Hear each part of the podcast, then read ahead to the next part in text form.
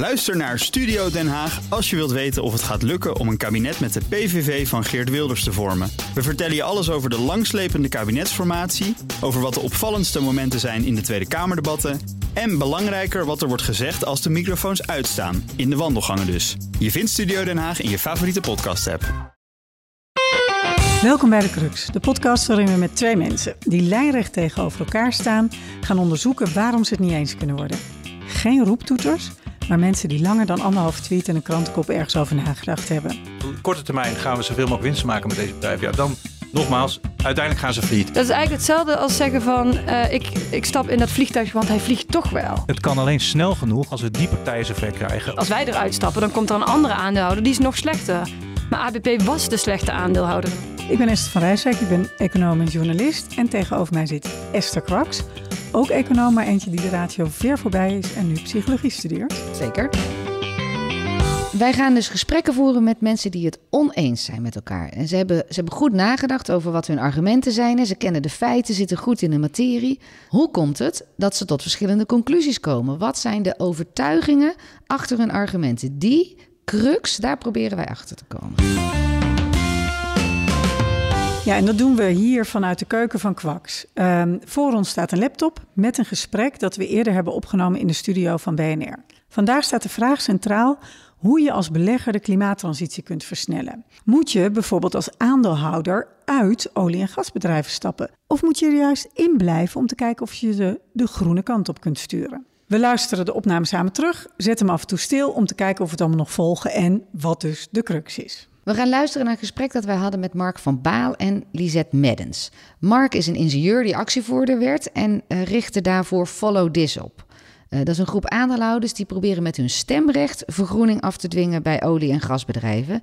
Lisette is milieuwetenschapper, werd ook actievoerder en zij richtte Fossielvrij NL op. Dat is een actiegroep die de financiële sector juist zover probeert te krijgen zich terug te trekken uit fossiele bedrijven. We beginnen altijd met een stelling en die luidt vandaag: pensioenfondsen moeten uit beleggingen in fossiele bedrijven stappen. Lisette is het daarmee eens en reageert dus als eerste op de stelling. Um, ja, uh, wij zijn het er helemaal mee eens. Financiële instellingen hebben echt een sleutelpositie als het gaat om de uh, klimaatopgave waar we voor staan. We zitten in een enorme alomvattende grote uh, klimaatcrisis. Um, en pensioenfondsen, banken, uh, verzekeraars, financiële instellingen hebben enorm veel geld, dus enorm veel macht uh, om een veranderkracht te zijn. En waarom wij zeggen dat je dat geld dus uit die fossiele brandstoffen moet halen, um, is omdat het businessmodel van de fossiele industrie is gestoeld op het maken van winst. Um, en de quote van Ben van Beurden is heel tekenend. In februari 2016 zei hij: Ik pomp op wat ik op kan pompen. En dat betekent dus dat hij maar doorgaat met het oppompen, het verbranden, het verhandelen van uh, fossiele brandstoffen, uh, zolang hij maar winst kan maken. Hij zegt: U vraagt, wij draaien. Wij voldoen aan de vraag. maar dat niet alleen. de fossiele industrie is op de aarde om winst uh, te maken. En daar gaat het uh, mis, uh, want zij willen zo graag winst maken dat ze zelf die vraag ook gaan aanwakkeren. Dus wat de fossiele industrie gedaan heeft, ondanks dat wij wisten vanaf de jaren 70 dat fossiele brandstoffen de kern zijn van het probleem. Voor de klimaatcrisis. Wat ging de fossiele industrie doen? Ze gingen ons niet waarschuwen voor die gevaren. Nee, ze gingen ons uh, twijfel zaaien. En ons uh, doen geloven dat het misschien helemaal niet zo erg is met die klimaatcrisis. En dat de, het verband met fossiele brandstoffen nog niet zo duidelijk was. Um, dus de fossiele industrie is, is er om winst te maken. Dat is puur hun uh, enige doel. Um, en wat je dan uh, het beste kan doen, is niet met ze in gesprek gaan. Ja, wij zijn voor engagement en voor praten met allerlei instellingen. Dat engagement is wat pensioenfondsen. Ja, wat pensioenfondsen doen met en de, druk uitoefenen. Ja? Precies. Um, uh, dus engagement, praten en in dialoog gaan is heel goed. Maar met een bedrijf wat uh, puur winst wil maken uit fossiele brandstof, heeft dat eigenlijk geen zin.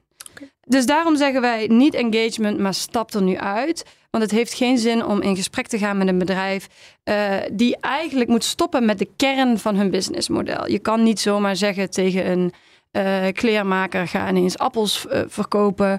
Dat gaat niet. Dus, um, want we moeten af van die fossiele brandstoffen. Dus we moeten af van de kern van, van, uh, van waar zij mee bezig zijn.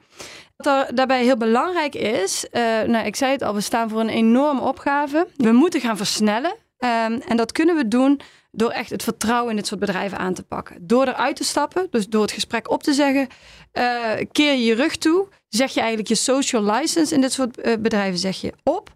Um, en daarmee kunnen we een versnelling veroorzaken, een tipping point. Omdat daarmee uh, de macht van dit soort bedrijven afbrokkelt en er heel veel sneller ruimte komt voor alternatieve energiebronnen en een versnelling van de verandering voor eerlijke en rechtvaardige energievoorziening. Oké. Okay.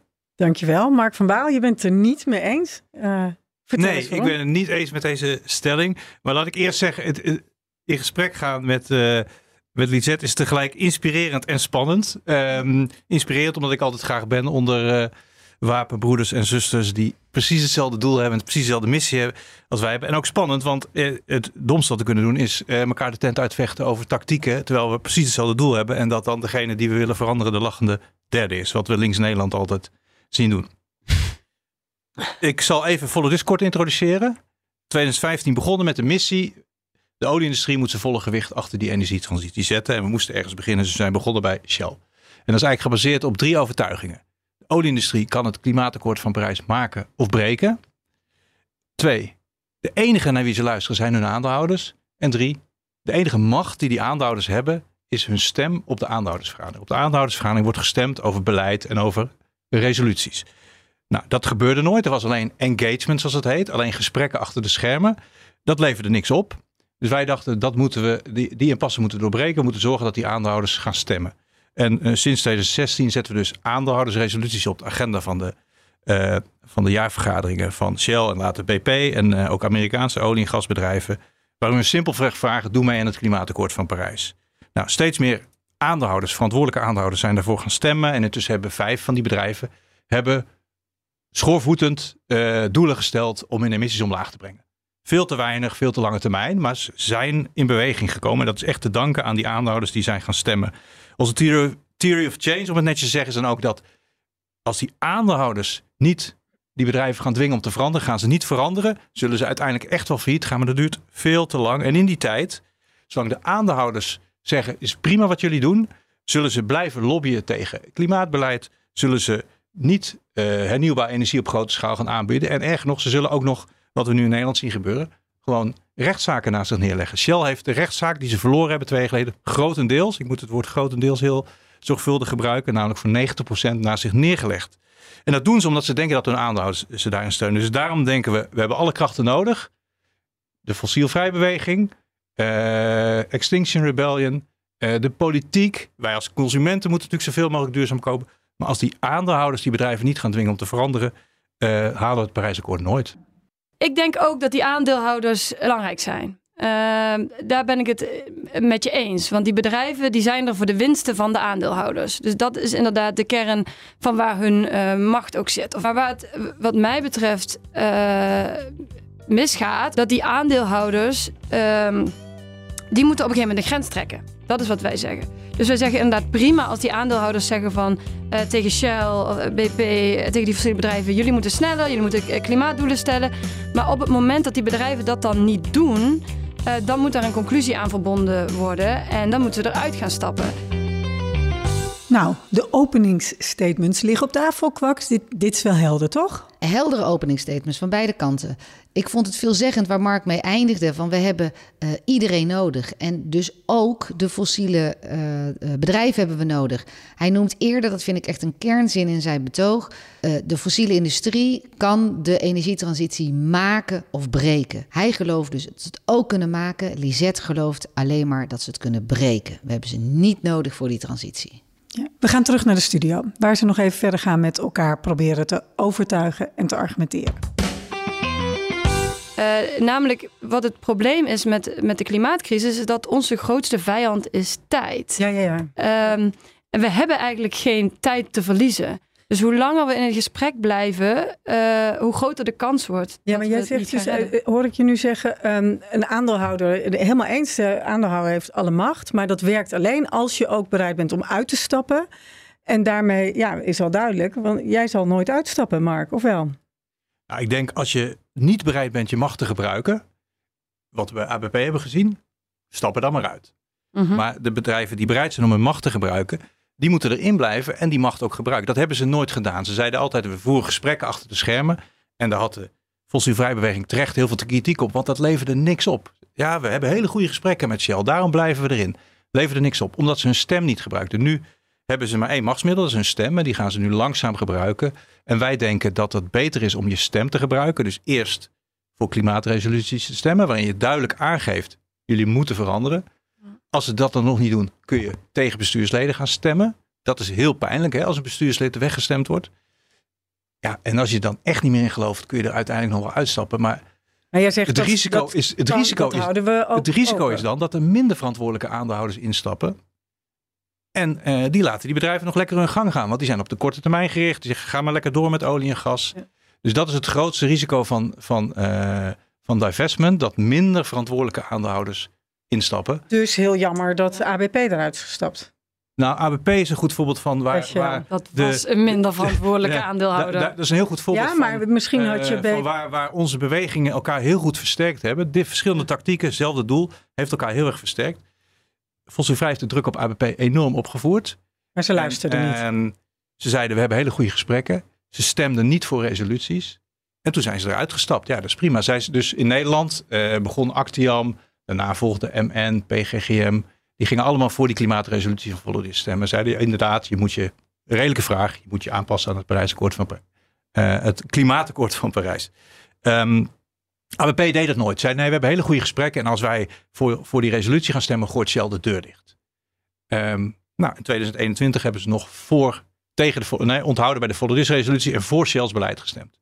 Dus hele onverantwoordelijke aandeelhouder. En die zijn er toen een paar maanden later onder druk van de fossielvrijbeweging Maar dat, ma- dat maakt het ook Eh. wel ingewikkeld, want onder druk van fossielvrij. Dus het lijkt nu alsof ABP ineens heel veel verantwoordelijkheid neemt door te zeggen geen gas en olie meer. Dan wil jij ze dus eigenlijk terug hebben. Dan zou jij zeggen, nu nou kom er weer nu- in dan. Dan kunnen we samen dat nu- gevecht is eh, Ja, ze hebben natuurlijk een voorbeeldfunctie. Ze zijn een van de grootste pensioenfondsen ter wereld. Daar kijken andere pensioenfondsen ook naar. Ehm, nee, het zou mooi zijn als ze er nu weer instappen en hun eh, macht eh, volledig gebruiken. Want ja, je weet niet wat voor aandeelhouders er voor in de plaats komen. En als dat aandeelhouders zijn die niet stemmen en, die, en denken, nou, op de korte termijn gaan we zoveel mogelijk winst maken met deze bedrijven. Ja, dan nogmaals, uiteindelijk gaan ze failliet, hè, die bedrijven. Er zit, Maar het er is een probleem bij. ABP was dus niet, was niet Shell, was ABP.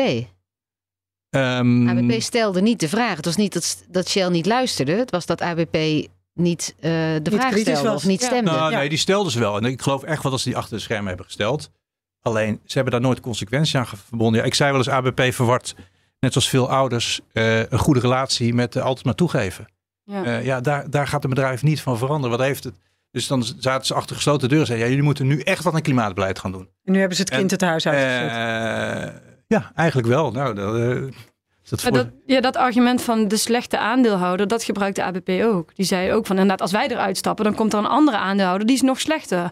Maar ABP was de slechte aandeelhouder inderdaad. Want ze deden al die gesprekken inderdaad achter gesloten deuren. Dus je kon daar helemaal... Het was niet transparant voor de deelnemers om te zien wat ze dan deden. Of ze die vragen wel gesteld hebben. En er was nul resultaat inderdaad van, van wat ABP deed als aandeelhouder. Dus ja, wij vertrouwen daar eigenlijk niet op dat er, ja, dat er dan inderdaad nog slechtere aandeelhouders, de, de aandeelhouders die er nu zitten. Kijk, het is wel door de resoluties van Follow This wordt het transparanter hoe, hoe die aandeelhouders stemmen. Dus dat is op zich goed.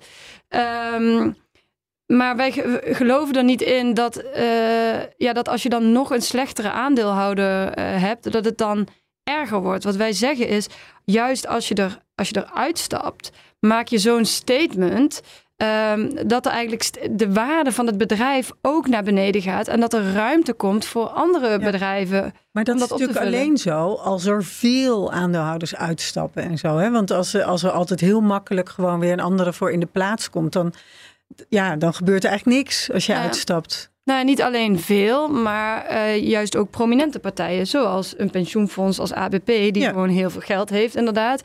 Eh, maar ook als het gaat om kerken, scholen. Eh, kijk, als er musea, dus als er musea en, zeg maar publieke instellingen hun banden verbreken met de fossiele industrie, dan zeggen ze eigenlijk het vertrouwen op in die industrie. En wat dat, eh, dat betekent ontzettend veel. Uh, want daarmee maak je zo'n groot statement, omdat je dat ook doet met je financiële relatie. Um, dat dat, dat, dat een, uh, een heel dat groot een soort sociale en maatschappelijke druk. Ja. Uh, en, want jou hoor ik dus zeggen, nou, dat, dat is heel belangrijk. En Mark zegt, ja, maar uiteindelijk luisteren ze alleen naar die aandeelhouders.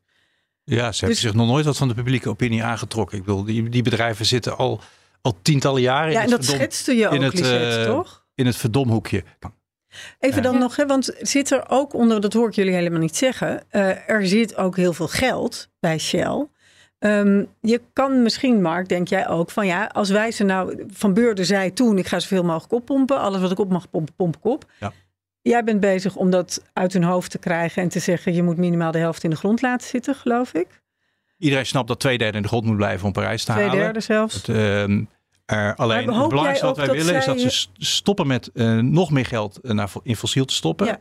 En al die miljarden, dat is in het geval van Shell 25 miljard per jaar, dat ze Ja. die investeren om die energietransitie in een versnelling te krijgen. En die 25 Ja. miljard, ja, wat zeg je? Ja, daar? waarom zouden we Shell vertrouwen om die 25 miljard in, eh, in de energietransitie te stoppen? Dat is eigenlijk mijn vraag. Want we- wat we gezien hebben, wat Shell gedaan heeft de afgelopen tijd, is gewoon twijfel zaaien, heel veel marketingbudgetten daar geld aan besteden om ons te doen laten geloven dat zij goed en groen bezig zijn.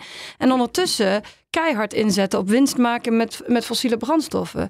Dus waarom zouden. En, en dan heb ik het nog niet eens over mensenrechten schendingen wereldwijd. Maar denk je dat Mark Ehm, Shell vertrouwt? Nou, eh, blij, nou, weet ik niet. Kijk, als je zegt van we hebben Shell nodig om dat geld in te zetten voor een energietransitie. Ik denk dat Shell een barrière vormt op dit moment voor die versnelling van die energietransitie. En dat we dat geld veel beter kunnen toevertrouwen aan eh, misschien start-ups of, Maar eh, dat geld krijg je overheid. niet. Als Shell nu failliet gaat, is die 25 miljard per jaar weg. Die, is, die Nou. kan je niet dan ergens anders inzetten. Weet ik niet. Ehm, is dat zo? Want, nou ja, ik bedoel, er- gaat onwijs veel geld, ook van de overheid, naar die- Shell, naar de, naar, de, naar de fossiele industrie. Kijk maar naar die fossiele subsidies. De, eh, er, gaan, gaat onwijs veel geld naar marketingbudgetten van Shell. Als je, gezegd, als je nu zou zeggen, al het geld wat bij Shell zit, eh, st- eh, we stoppen met hun fossiele productie. We halen het weg bij Shell en we, we zetten het gewoon in, in duurzame start-ups, in de overheid. In, eh, dan kan je al die middelen op een Ja. heel andere manier inzetten. Ja, maar een deel van die 25 miljard komt natuurlijk uit eh, Hun winsten, winsten, ja. op fossiel. Het grootste deel, de- ik bedoel, Ja. fossiele subsidies moeten natuurlijk Ja, meteen, dus- meteen stoppen. Daar, Maar goed, dus jij zegt nou dat de, die dat winst die ze maken met fossiel, ja, dat geld zijn we dan maar kwijt, want dat willen Ja, we überhaupt niet ja. hebben. En jij zegt, Mark, zeg jij dan ja, maar die winst die ze maken met fossiel, daar kunnen ze misschien toch ook nog hele goede dingen mee doen. Maar dat is dan toch Daar wel. zouden ze hele goede dingen mee moeten doen. Maar het is niet zo dat, ehm, dat die bedrijven opeens van vandaag of morgen ophouden te bestaan. Eh laten we eerlijk wezen, onze maatschappij zou ook tot stilstand komen. We kunnen vandaag niet en morgen niet zonder fossiel. Alleen we moeten wel die bedrijven en eigenlijk de hele wereld zover krijgen. Om eh, vandaag de beslissing te nemen om totaal anders te gaan investeren. En in te zien dat we onze emissies moeten halveren. Je kunt ons niet veroorloven om die bedrijven langzaam te laten, eh, naar de afgrond te laten gaan. Want ze nemen de wereld mee in die afgrond. Lopen jullie elkaar voor de voeten? Je zei er straks al, daar moeten we voor oppassen, hè? want we hebben hetzelfde doel. Dus dat zou natuurlijk, hè, dan is er een lachende derde. Mark, vind jij jammer dat, dat Lisette de aandeelhouders eh, eruit jaagt? En eh Lisette, vind jij het jammer dat Mark streeft om ze erin te laten zitten? Ehm, nou, kijk, voor ons eh, heeft het heel erg geholpen om transparant te maken hoe die pensioenfondsen er nou eigenlijk in zaten. Nou, ik zou me wel afvragen als Mark zich volledig zijn gewicht zou zetten achter de financiële sector. Als, als Mark achter banken aan zou gaan of financiële instellingen. eh, wat dat op zou kunnen leveren. Want dat, ja, dat zou natuurlijk. Dat ja, zou in- sneller gaan. in ons opzicht zou dat effectiever zijn en sneller gaan. Ehm, eh, dus nee, eh, eh, niet voor de voeten lopen. Ik denk dat het, dat het elkaar wel versterkt. Maar ik denk dat het misschien nog veel effectiever zou zijn als die ja, ook op die financiële sector zou gaan richten. Nou, dat doen we ook. Hè. We richten ons op de financiële wereld, omdat die ook het meeste verliezen heeft bij klimaatverandering. Die zien één voor één in dat als we Parijs niet halen, dat de wereldeconomie tot stilstand komt. Die zien zichzelf als rentmeesters van de wereldeconomie. Dus die, die grijpen nu stap voor stap in. Ze zijn alleen, niet gewend om, om eh, op te staan tegen die grote olie- en gasbedrijven. Dat gaan ze nu eh, langzaam doen. Ehm, maar ik wil wel waarschuwen voor een soort onbedoeld neveneffect van eh, de fossielvrijbeweging. Dat eh, de, de verantwoordelijke aandeelhouders die echt veranderingen willen en die hun volle gewicht achter, die voor onze resolutie stemmen, die andere aandeelhouders oproepen om mee te doen. Ja, die, eh, als die eruit stappen, stappen er minder verantwoordelijke in. Dan eh, gaat de vlag uit bij, Ja. die, bij die bedrijven. En dan gaan ze nog even lekker door. Want dan hebben ze, zeggen ze, ja, onze aandeelhouders staan achter ons. We kunnen nog even doorgaan. Want toch, En- dat en is wel jouw belangrijkste argument. is het belangrijkste argument dat ze blijven bestaan. Als je die aandelen. eh, kijk, wat heel goed, laat ik even goed zeggen. Wat heel goed zou zijn, is dat er geen nieuwe financiering meer komt. Hè? Dat banken, en dat, daar pleiten wij ook voor, dat banken geen obligaties van olie- en gasbedrijven kopen. Want dat zijn echte investeringen. Een aandeel is geen investering. Dat, als een Ja. aandeel van eigenaar wisselt, wordt er niks geïnvesteerd. komt Dus geen geld bij. wordt het alleen van eigenaar. Ehm, maar waar ik toch de, eh de op wil bewe- wijzen, is ja, de tabaksindustrie. Er is, geen, er is geen fatsoenlijk pensioenfonds meer dat tabak in zijn portfolio heeft. Toch bestaan die nog steeds. Hebben ze nog steeds toegang tot kapitaal. Ik heb pas met een pensioenfonds over gehad. Die betalen een paar basispunten meer als ze geld moeten lenen. Dus dat is een paar honderdste procent. Niks hè. dus. Nee. Eh, dus die kunnen ook gewoon lekker doorgaan. Terwijl ze uitgesloten zijn. Maar en dat is het grote risico met, eh, met de fossiele industrie. Ze willen kost wat kost vasthouden aan dit businessmodel. En als daar minder verantwoordelijke aandeelhouders instappen, ja, dan, eh, dan gaan ze nog te Dan lang krijgen door. ze meer ruimte. Van de rekening in de Maar dat en dan even- over tien jaar weten we het, dan eh, zijn de emissies niet omlaag. Want Lisa, dit is het belangrijkste argument van Ja. Mark. Toch even daarop. Je kan ze eruit halen, maar ze zijn niet weg en ze krijgen nieuwe aandeelhouders. Ja, ik ben het daar niet helemaal mee eens. Want ook als je kijkt inderdaad naar de vergelijk met de tabaksindustrie. Kijk, er is een verbod gekomen op reclame eh, voor tabak. Inderdaad, die pensioenfondsen zijn eruit gestapt. Je ziet dat er een enorme maatschappelijke verandering heeft plaatsgevonden. Ehm, en dat roken in openbare ruimtes niet meer normaal is. Zeg maar, er is een nieuw normaal gecreëerd. Maar is over- dat dankzij die aandeelhouders? Ehm, ja, onder, onder andere. Eh, denk is ik wel. dat dankzij boze artsen en mensen? En nou, er is natuurlijk een hele beweging van allerlei verschillende eh, dingen eh, mogelijk. Maar zeg maar, een van die tipping points, kantelpunten zoals ik ze noem, was het verbod op de reclame. Dus het uitstappen van pensioenfondsen, het divesteren, dus het geld terugtrekken uit die, ehm, uit die bedrijven, is een ander kantelpunt. En ehm, een kantelpunt is zeg maar iets wat, eh, wat een grote maatschappelijke verandering met zich meebrengt. En we kunnen wel zeggen van oké, eh, ik stap eruit en dan stapt er iemand anders in. Maar dat is eigenlijk hetzelfde als dat is eigenlijk hetzelfde als zeggen van eh, ik, ik stap in dat vliegtuig, want hij vliegt toch wel. Maar eigenlijk- als je op het moment dat je een statement gaat maken van ik stap niet eh, in dat vliegtuig eh, en er komen, komen geen vliegreclames meer, dan krijg je een nieuw normaal. En dan gaat de Mark, overheid nou maatregelen dat, nemen. Dat, eh, dat zo werkt het bij aandeelhouders niet. Zie de tabaksindustrie. Dus jij stapt inderdaad niet in het vliegtuig, maar iemand anders stapt erin. Want de tabaksindustrie heeft nog steeds aandeelhouders, heeft nog steeds financiering. Beetje duurder, maar te verwaarlozen. Dus het, het is theorie wat je, wat je schetst. Het ook is niet waar. schetst Ze- volgens mij... Volgens mij zei jij, eh, die aandeelhouders die uitstapten bij eh, de tabaksindustrie... die hebben invloed gehad op de maatschappelijke opinie. Ja. En via die route... is er een nieuw normaal gecreëerd. Ja, en dus is jij- roken niet meer normaal. Het, eh, misschien dat, dat er nog wel wat sigaretten hier en daar geproduceerd Dus jij zegt die er aandeelhouders die moeten zich richten op een nieuw normaal. En niet van buiten. Dus die moeten buiten in het maatschappelijke debat moeten ze zorgen dat ze aanwezig zijn en daar een nieuw normaal afdwingen. Maar die illusie dat je van binnenuit iets kan doen, vergeet het maar. Ja. Ja, daarmee hebben we het verschil wel helder, toch? Eentje van binnenuit, de ander van buitenaf. Lisette die, die ri- richt zich op de publieke opinie. En die denkt dat het opstappen van aandeelhouders een enorme eh, trigger kan zijn Ja. om die publieke opinie te beïnvloeden. Eh, Dus zij gelooft in de, in de macht van de buitenwereld, waar Mark denk ik veel meer zit op de eh, op geloof van de macht van de binnenwereld, van, van het, het bestuur die weer luistert naar aandeelhouders. Dus daar Ja. moet je aandeelhouders voor binnenhouden. Ja, precies. Als, als de deelnemers van, want ze noemt ook hè, van kerken en van scholen en van musea zeggen: wij willen helemaal niks meer ermee te maken hebben. En dan gaan pensioenfondsen ook uitstappen. Nou, dan gaan andere mensen misschien ook wel denken: we willen niks meer mee te maken hebben. Uiteindelijk hoopt zij, daar hebben we het niet heel expliciet over gehad. Maar natuurlijk dat er dan eh, een nieuwe wetgeving komt. Dat er van alles niet Nou, meer dat mag. fossiele bedrijven Ja. verdwijnen en dat in, die, in dat gat eh, eh, groene bedrijven ontstaan. Ja. En uitstappen is dus een heel goed signaal om die kant op te komen. Waar Mark zegt, uitstappen is juist een risico. Uh, want daarmee verdwijnt Shell helemaal niet. Daarmee komt er een nieuwe aandeelhouder die misschien wel erger is dan, uh, dan die we hadden. Precies. Dus het is een risico. Nou, dat hebben we helemaal scherp. We gaan uh, nu nog een stapje verder. Hè. Daar gaat bij de Cruxon over. Wat ligt daar dan voor overtuiging onder? Waarom wil Mark of gelooft hij dat hij echt die route via die aandeelhouders moet nemen? terwijl Lisette denkt, publieke opinie, daar gebeurt het. Lisette reageert als eerste. Mijn achtergrond is. Um, ik, heb, uh, ik heb mijn achtergrond in milieuwetenschappen. En uh, uh, na mijn studie ben ik, mocht ik als jongerenvertegenwoordiger bij de Verenigde Naties de Nederlandse jongeren vertegenwoordigen op de duurzaamheidstoppen en, en de klimaattoppen. Um, en op dat moment, na mijn studie, dacht ik heel erg.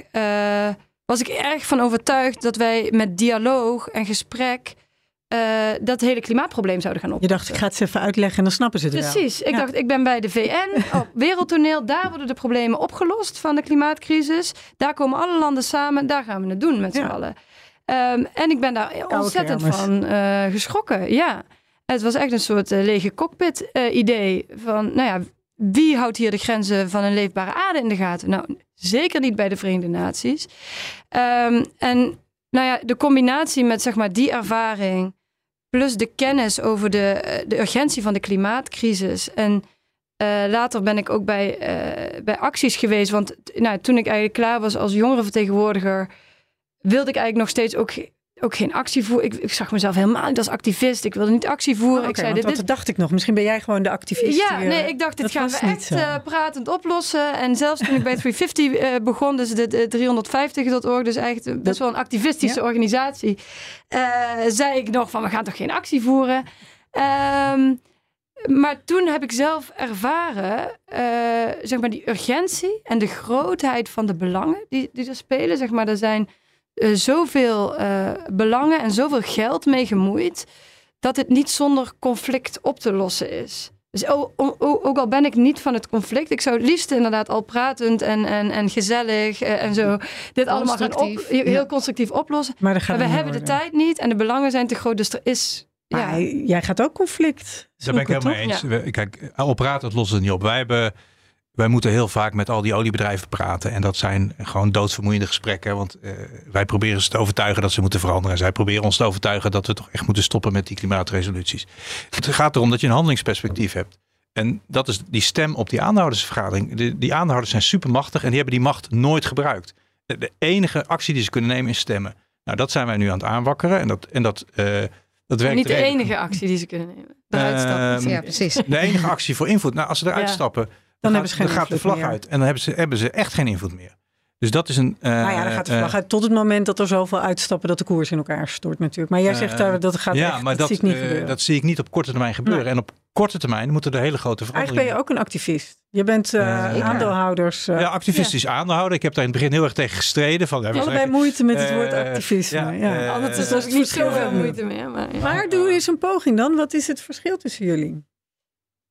Is het gewoon nou, dat denk, je. Ik denk dat, kijk, het verschil is nu, nou, het verschil is nu wel duidelijk volgens mij. Dat wij denken ja. dat je ja, uh, van dat binnenuit is... verandering kan brengen, omdat je macht hebt. Uh, maar de vraag is, Mark, uh, denk je niet, want dit is mijn overtuiging, dat zodra ABP eruit stapt, hm.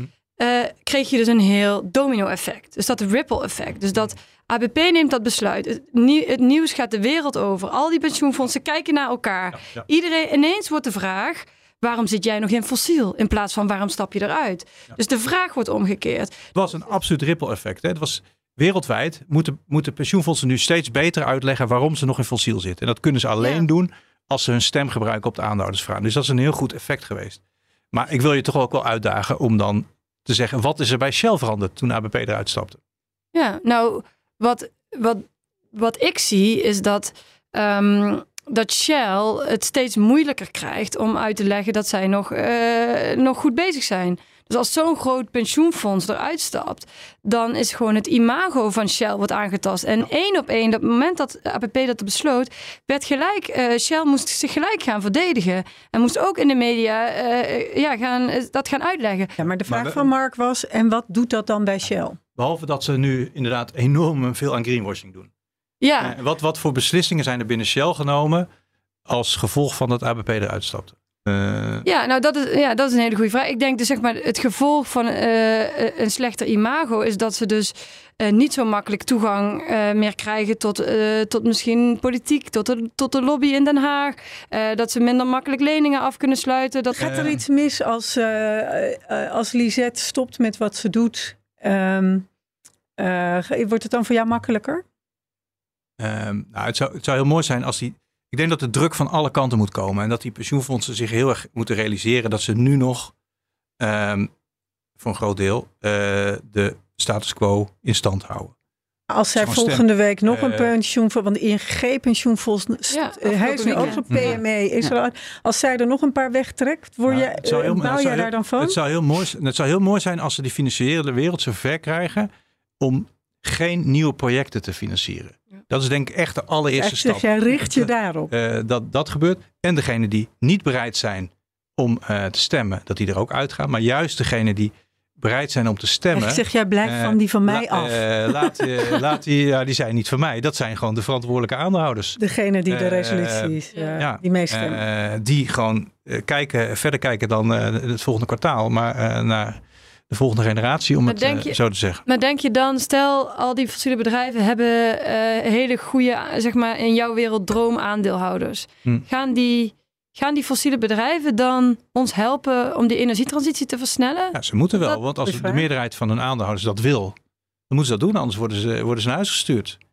Hebben we de fossiele partijen nodig of zijn ze handig, uh, behulpzaam in de energietransitie? Ja, dat is de vraag van Lisette. Ja, precies. Want ik jij zeg, denkt, nee, ik ben ze liever kwijt dan rijk, want de verandering komt van buiten. Precies. En, en jij en... zegt, de verandering komt van binnen. Die winst die ze nu nog maken met fossiel, en laten we eerlijk wezen, die wij alle vier nog gebruiken. Zeker. Uh, uh, als ze die winst gebruiken om ons zo snel mogelijk van fossiel af te helpen. Maar wat ik dus uh, zeg, is zeg maar de partij, uh, de fossiele industrie is niet de juiste partij om dat geld anders te gaan investeren. Want hun expertise, hun kennis, alles wat zij jaren gedaan hebben, is het uit de grond halen van fossiele brandstoffen. Ja, dus maar stel nou dan toch nu... even, Mark zegt, als zij nou allemaal aandeelhouders hebben die zeggen, en daar ga je mee stoppen, ja. dan gaan ze dat doen. Ja, dan gaan dat kan ze, niet anders. Nou ja, dan gaan ze dat doen. Maar ze willen nog steeds zoveel mogelijk winst maken. Want ze zijn er voor de winst van hun aandeelhouders. Dus ook al hebben ze allerlei aandeelhouders. Maar die stel ze... dat ze heel veel winst gaan maken met een of andere doorbraaktechnologie. Ja. Uh, die hartstikke schoon is. Dat zou toch geweldig zijn? Dat zou geweldig zijn. Maar ik heb er gewoon nul vertrouwen in dat die bedrijven dat gaan doen. Omdat ze hun, hun expertise ligt daar helemaal niet. Dat willen ze niet. Hebben ze nooit gedaan. Hebben ze niet laten.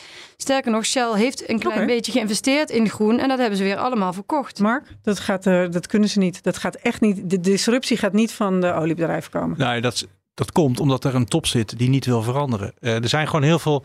Binnen zo'n bedrijf werken 90.000 mensen. Die willen allemaal uh, uh-huh. wat goeds doen uh, voor de volgende generaties. Er zit alleen een top die zich niet kan voorstellen dat je ook geld kan verdienen buiten olie en gas. Nou, daar gaat en, ook wel en daar moet, de naar... daar moet de aandeelhouder ze toe, toe dwingen. Maar denk jij dus als die top veranderd wordt, dus als de aandeelhouder in staat is om die top te veranderen, nieuwe mensen of een nieuw ja. inzicht in die top, ja. dan is het fijn dat die partijen met die 90.000 mensen. Ja, omdat ja, daar geld ligt. Die hebben de, de, het, gel, de, het geld, de kennis en de macht om dat wereldwijd in een versnelling te brengen. En dat is echt puur een kwestie van mindset. De, de technologie is het probleem. Er zitten genoeg goede ingenieurs, er is genoeg goede technologie. Uh, de businessmodellen, die moeten Dus als jij al jouw worden. aandeelhouders daar krijgt, dan mag Lisette uh, de directie samenstellen. en dan komt het gewoon zijn. goed, zeg jij. Ja, dan gaan we samen die directie samenstellen. Ja, dat zou, nou, ik, maar jij gelooft daar niet in. Uh, jij denkt linksom of rechtsom, je krijgt die, dat schip met die 90.000 mensen krijg je niet om. Dat, die verandering komt ergens anders Nee, vandaan. precies om de reden wat Mark ook zegt. Die, AF, die, die, die CEO's, die toppen van die bedrijven, die zitten daar puur voor de winsten. En ik zie ze niet zo snel uh, veranderen. En uh, ik zie geen reden om die bedrijven te vertrouwen eigenlijk. Op basis van wat ze de afgelopen als tientallen jaren... zitten die precies willen wat jij wil... dan, dan vertrouwen zij de huidige bestuur ook niet meer. Gooien ze eruit en dan zetten ze er iets ja, neer wat wel. Dan heb je een, een nieuw jouw, bedrijf. Ja, maar ja. dat is ook wat, waar Mark op uit is. Je bent eigenlijk uit op een totaal nieuw bedrijf, toch? Ja, nou, om die, kijk, om, om die metafoor van die olietanker te, uh, uh, daarop door te gaan... dus ik nu over, na, over door te denken... ja, wij willen dat die olietanker afbuigt... Uh, en dat die vervangen wordt door een, uh, een, een duurzame, uh, duurzaam alternatief. Ja. Kijk, die, die bedrijven hebben gewoon de wereldwijde, en dat, dat kunnen we niet ontkennen, markt, marktmogelijkheden. Ja. Ze hebben ook Nederland aan het aardgas geholpen. Er zat ook niemand op te wachten, omdat ze zagen dat ze daar geld Een in heel konden hoog verdienen. tempo. Ja. We hebben iets van Lisette te horen gekregen hè, over de teleurstelling van met de macht praten en bij de macht aan tafel zijn. Eh, Moeten we Mark van Baal nog iets beter leren kennen om te begrijpen dat jij denkt, wanneer realiseerde jij je dat beleggers en de investeerders en de eigen aandeelhouders zo belangrijk zijn? Eh, eigenlijk door het lezen van het boek De Prooi eh, van Jeroen Smit. Eh, toen, Over ABN AMRO. over ABN AMRO, Ja. kleine aandeelhouder. De Children Investment Fund, hele lieve naam voor een heel agressief fonds. Dat het ABN AMRO in drie stukken heeft gekregen met 1% van de aandelen. Dus daar kwam mijn idee vandaan. Je kan dus met heel weinig aandelen, kun je beweging creëren als je het maar op de agenda krijgt. En dus ik dacht, ik moet gewoon een, een, met een klein aantal aandeelhouders moet ik iets op de agenda krijgen en dan een grote groep daarachter krijgen. Dus daar komt die, die overtuiging vandaan. Maar de grootste, mijn grootste overtuiging is dat de olieindustrie kan het klimaatakkoord van Parijs maken of breken. En dus ook maken. Eh, Ja. We hebben ze helaas nodig. En ik gebruik natuurlijk vaak Kodak eh, als voorbeeld. Die hadden digitale fotografie zelf uitgevonden in 1977. Besloten er niet mee naar de markt te gaan. Ze wilden nog zo lang mogelijk vasthouden aan, eh, aan fotopapier en uh, fotorolletjes. En ze gingen uiteindelijk failliet. Maar toen was het 2009. Dus meer dan 30 jaar later. Ja, jij denkt, ze zeggen wij willen onderdeel zijn van de oplossing en jij denkt dat kan ook. Dat kan, maar ze moeten... Je zei maar- net zelfs, ze hebben de olieindustrie keihard nodig voor de klimaattransitie. Ja, want als, als we ze hun gang laten gaan, dan natuurlijk gaat duurzaam winnen. Hè? Dat dit wordt steeds goedkoper. Het is schoon. Je hoeft er niet voor naar Poetin. Eh, dus dat is echt geen twijfel over mogelijk. En, en het wordt ook nog steeds duurder om het uit de grond te halen. Daar is geen twijfel over mogelijk. Alleen, het kan alleen snel genoeg als we die partijen zover krijgen om te stoppen met eh, nog meer olie en gas aan, aan te zoeken. Dat zijn ze allemaal aan het doen. Hè? Ze denken allemaal nog dat maar jij ze... gelooft dus niet groeien. dat we, de maatschappij, de politiek, dat we met normering en met eh, consumenten die er niks meer mee te maken willen hebben. Met, eh, Ook Eh, dat, dat moet allemaal gebeuren. En ook de aandeelhouders moeten eh, op een streep gaan staan. En, en wat hopen jullie dan toch dat wij aan die keukentafel ehm, concluderen? Concluderen over de crux. Hè, als we zitten te roddelen over jullie toch? Van- Ja, en dan, en ja. dan ehm, hoe, hoe zou je hem zelf nu formuleren, Lisette? Wat is ehm, het verschil tussen jullie? Ja, ik denk dat het grootste verschil erin in zit dat Mark denkt dat we die grote fossiele bedrijven Ja, dat is wat nodig hij hebben. denkt. Maar hoe komt het dat jij doet wat jij doet en dat Hm. Mark doet wat oh hij doet? Ehm, Het past Ja, beter bij jou. dat- hij, ja, omdat- hij heeft zich vastgebeten in de aandeelhouders.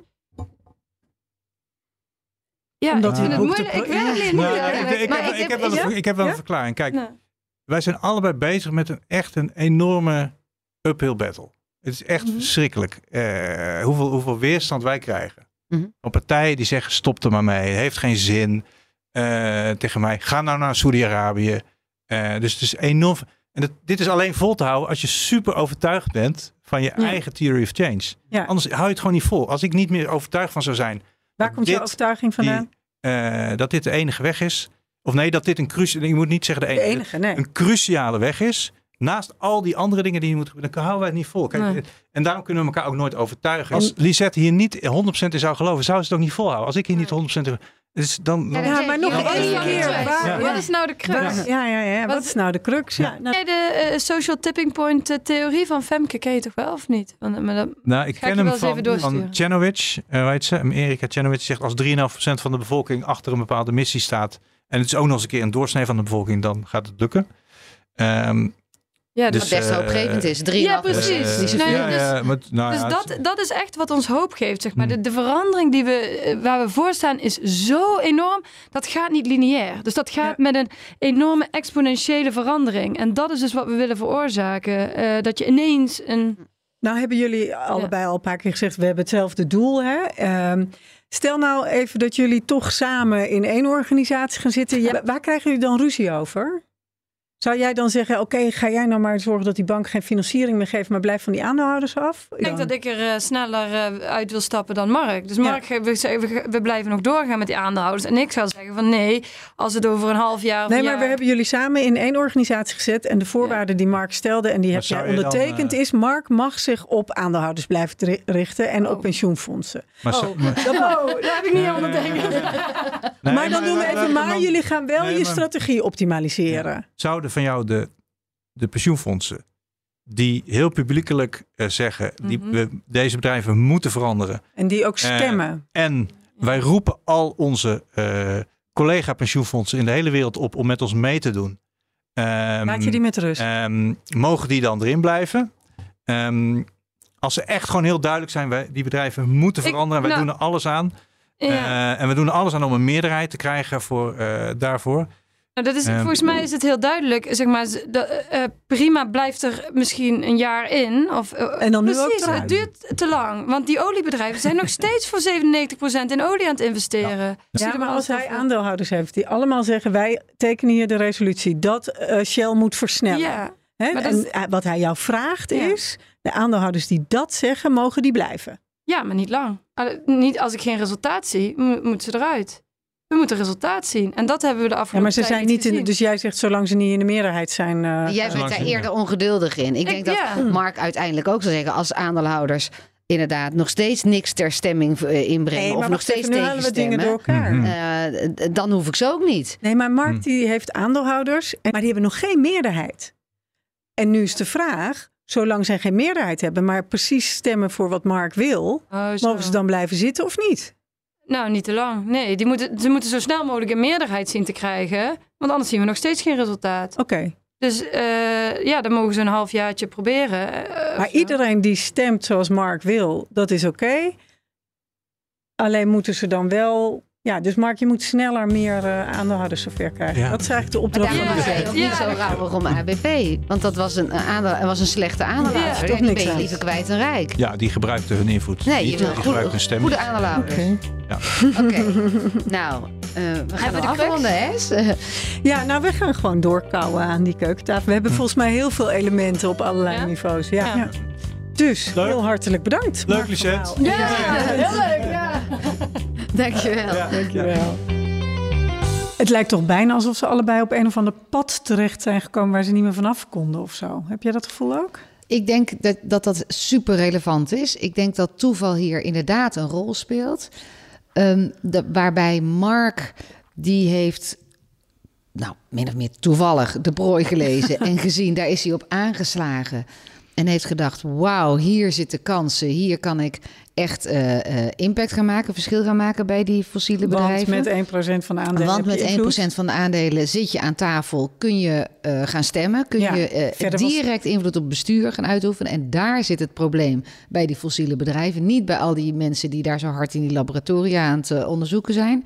Lisette heeft gezien bij de VN, waar zij jongerenvertegenwoordiger was, dat zelfs als je met machtige mensen eh, die heel veel invloed zouden kunnen hebben aan tafel zit, gebeurt er nog niks. Dus haar geloof in praten met dit soort partijen is daar gewoon down the drain eh, gegaan. En ik denk dat dat heel bepalend is geweest voor de richting die ze daarna zijn gaan kiezen. Mark oefen invloed uit binnen, Lisette oefen invloed uit buiten. En nu bijten ze zich daarin vast. Ja. Vond dat Mark dat heel treffend zei van wij voeren zo'n up, uphill battle. Wij hebben, en dat is ook wel een gevaarlijke, wij hebben eigenlijk helemaal geen ruimte voor twijfel. Want zodra we gaan twijfelen, dan storten we die berg af. Nou ja, ja en hij, hij, hij gelooft dus wel een beetje dat Shell ook onderdeel van de oplossing kan zijn. De- Hij noemt Kodak als voorbeeld. Shell zou niet het Kodak van de 21ste eeuw moeten worden, maar gewoon wel op tijd zelf bijsturen. En, en Lisette, die denkt, ja, al die prikkels staan zo raar daar bij die aandeelhouders. Dat gaat daar niet gebeuren. En ik, ik denk ook wel zelf, denk ik, ja, maar hoe gaat Mark dan die aandeelhouders zover krijgen om te zeggen: oké, met olie kunnen we meer verdienen, maar we gaan het toch ergens anders in stoppen. Ja, ik denk dat Mark wel eh, gelooft, we hebben, we hebben Shell nodig. Daar gelooft eh, Lisette niet in. Die denkt, joh, dat kan toch een, een andere partij ook. Eh, en ik denk dat daar het verschil, dat hebben we niet zo expliciet besproken, maar is dat ze... eh, je hebt Shell misschien niet nodig voor de vergroening, maar wel nodig voor de ontgrijzing. Voor het stoppen met grijs. Voor het stoppen met grijs. Ik denk dat Mark een overtuiging heeft dat dat moet. Hè. Je kan niet alleen maar wel gaan groeien, groenen, vergroenen. Je moet ook gaan ontgrijzen. En daar kom je toch bij, eh, bij de big oil uit. Ja. Ja, en daar dus eh Lisette denkt, ik ga haar zorgen dat pensioenfondsen grote statements maken, zodat mensen niet meer vliegtuigen stappen en we nieuwe wetten krijgen. En Mark zegt, en dan ga ik ondertussen kijken of ik die uh, tankers van uh, grote bedrijven zoals Shell, olietankers. Of ik daar de kapitein uh... een beetje naar links kan krijgen of naar rechts. Goed, daar ronden we mee af, dan toch? Ja, daar kunnen we mee afronden. Ik vond het een ontzettend leuk gesprek. Dank voor het luisteren. Dit was De Crux, gemaakt door Esther van Rijswijk en Esther Kwaks in samenwerking met BNR.